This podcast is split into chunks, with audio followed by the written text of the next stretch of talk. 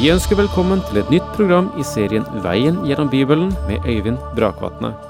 Denne studieserien er produsert av P7 Kristen Riksradio og bygger på serien Through the Bible av Vernon McGee. I dag fortsetter vi med gjennomgangen av Første Mosebok.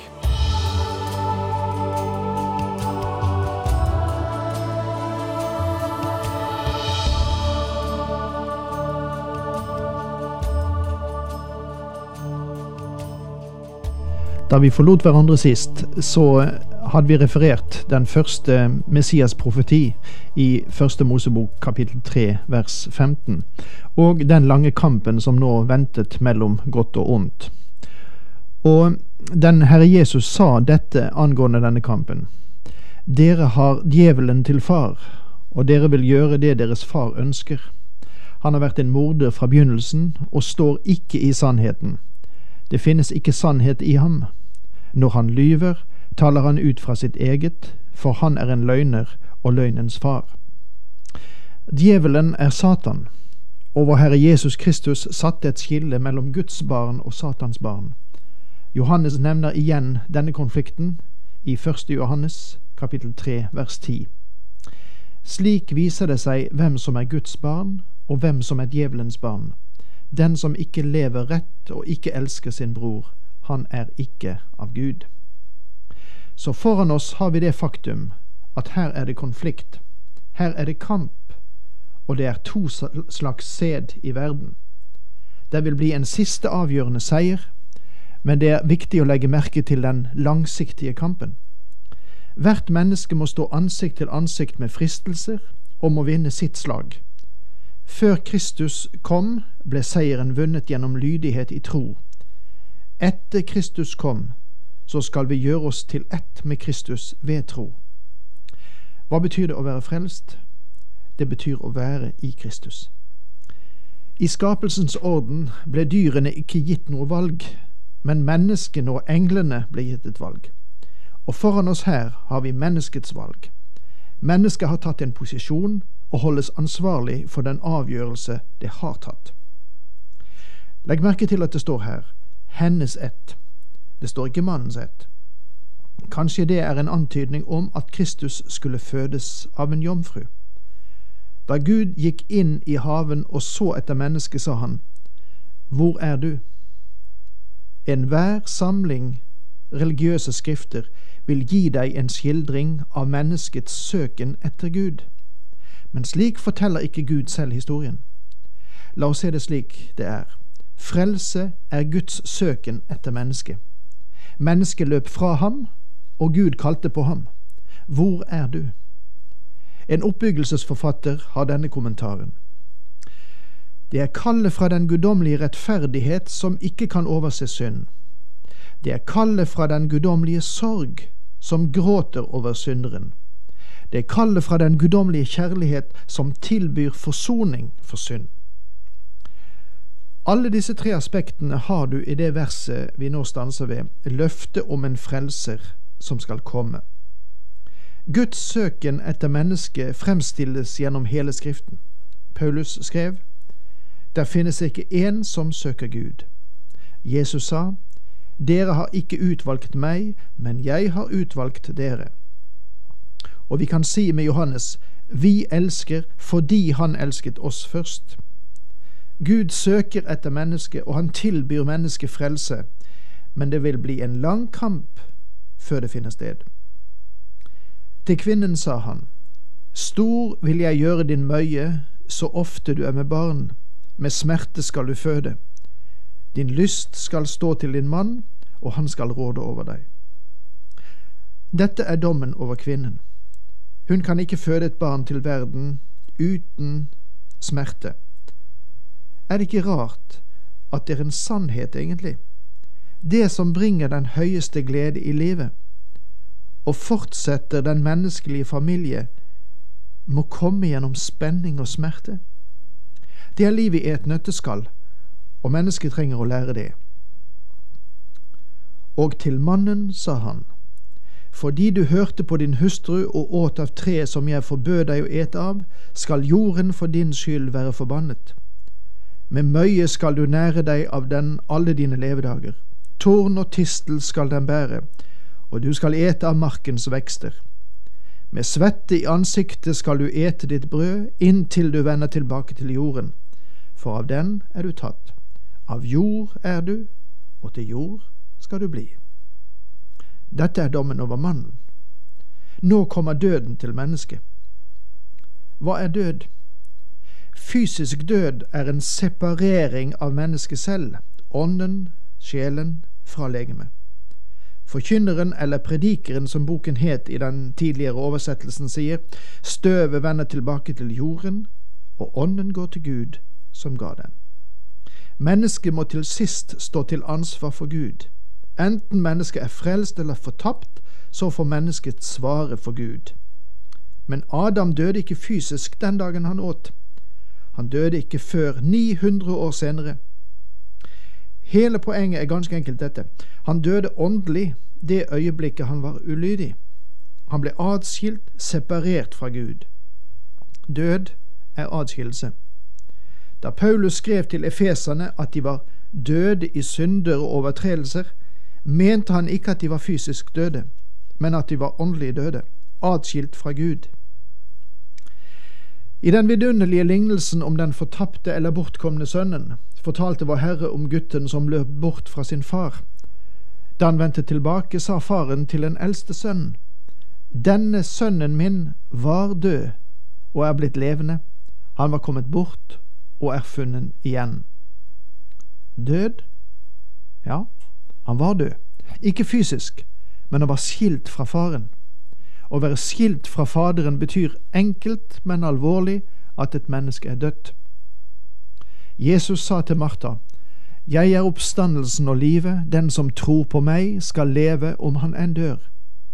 Igjen betyr død åndelig død, det vil si adskillelse fra Gud. Mennesket døde åndelig det øyeblikket det åt.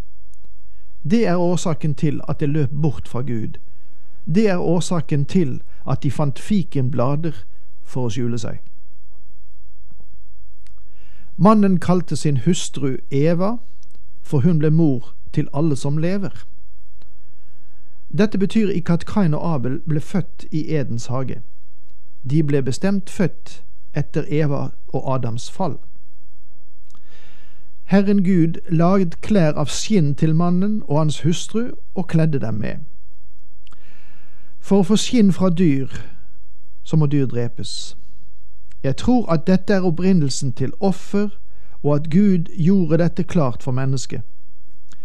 Gud aksepterte ikke deres fikenblader, men gjorde dem klær av skinn.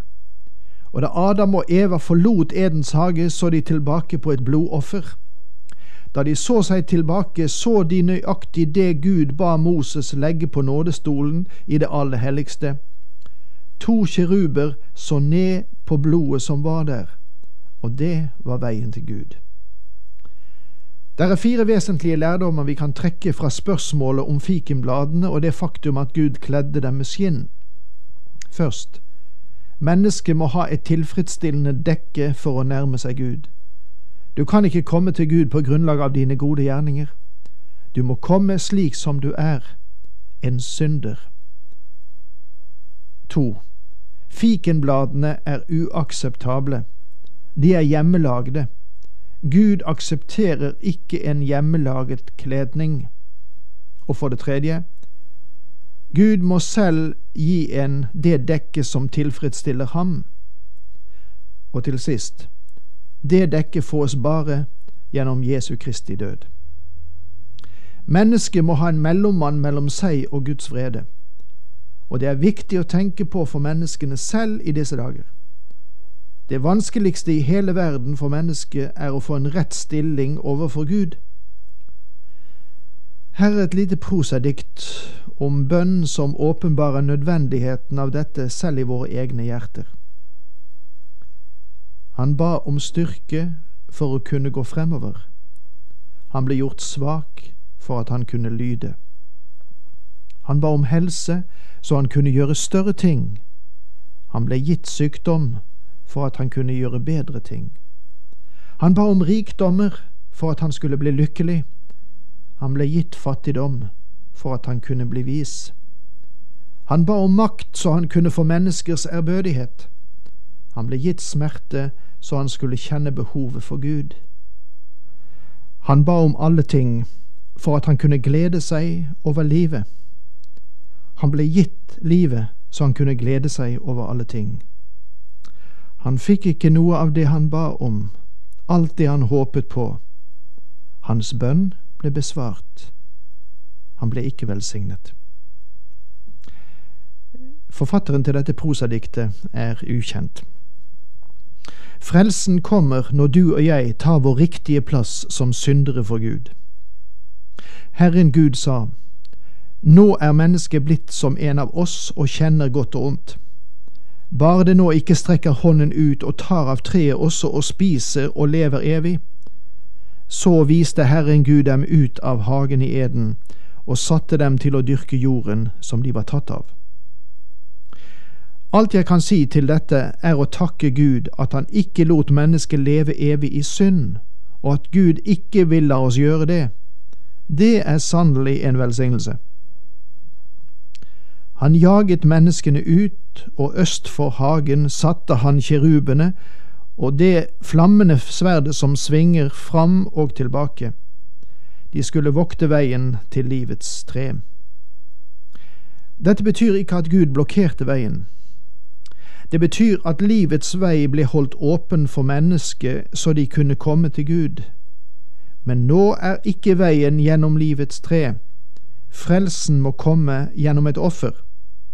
Og da mennesket så seg tilbake, så han blodet av offeret. Vi vil nå gå over til det fjerde kapittel i Første Mosebok. I det tredje kapittel har vi syndens rot, og i kapittel fire syndens frykt. Hvor alvorlig er synden? Vel, her i dette kapitlet forstår vi at mennesket ikke bare led av matforgiftning fordi de hadde spist frukten av treet til kunnskap om godt og ondt. Det var ikke slik at det var noe småtteri som hadde hendt mennesket. Kapittel fire gir oss innblikk i hvor dypt denne hendelsen egentlig stakk for mennesket. Gjennom sin vantro og sin ulydighet har han vendt seg bort fra Gud og syndet på en slik måte at han både førte over seg selv og hele slekten Guds dom, fordi du og jeg bærer den samme natur. Vi har den samme natur som våre fedre hadde, og far Adam har gitt oss en ganske ond natur. Dette åpenbares i historien om Adam og Evas to sønner. De hadde flere barn enn dette, men vi får bare beretningen om disse to på dette punkt. Adam levde sammen med sin hustru Eva. Hun ble med barn og fødte Kain. Da sa hun, Jeg har fått en gutt av Herren. Dette åpenbarer det faktum at Adam og Eva ganske sikkert ikke hadde forutsett at striden skulle vare så lenge. Da Kain ble født, sa Eva, Jeg har fått en gutt av Herren. Gud sa at kvinnens sæd skulle knuse slangens hode, og her er han. Men dette utsagnet gjaldt ikke Kain. Han var en morder, ikke en frelser. Det vil gå lang tid før frelseren kommer. Fra tidlig etter skapelsen har striden pågått mellom kvinnens sæd og slangens sæd, og denne saken vil vi ta opp i neste program.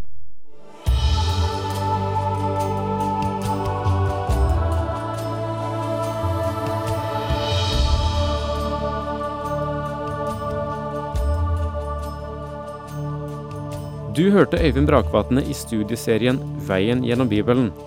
Serien bygger på et manus av Vern McGee. Har du spørsmål eller kommentarer til programmet, kan du sende en e-post til vgb krøllalfa p7.no. Takk for i dag, og på gjenhør.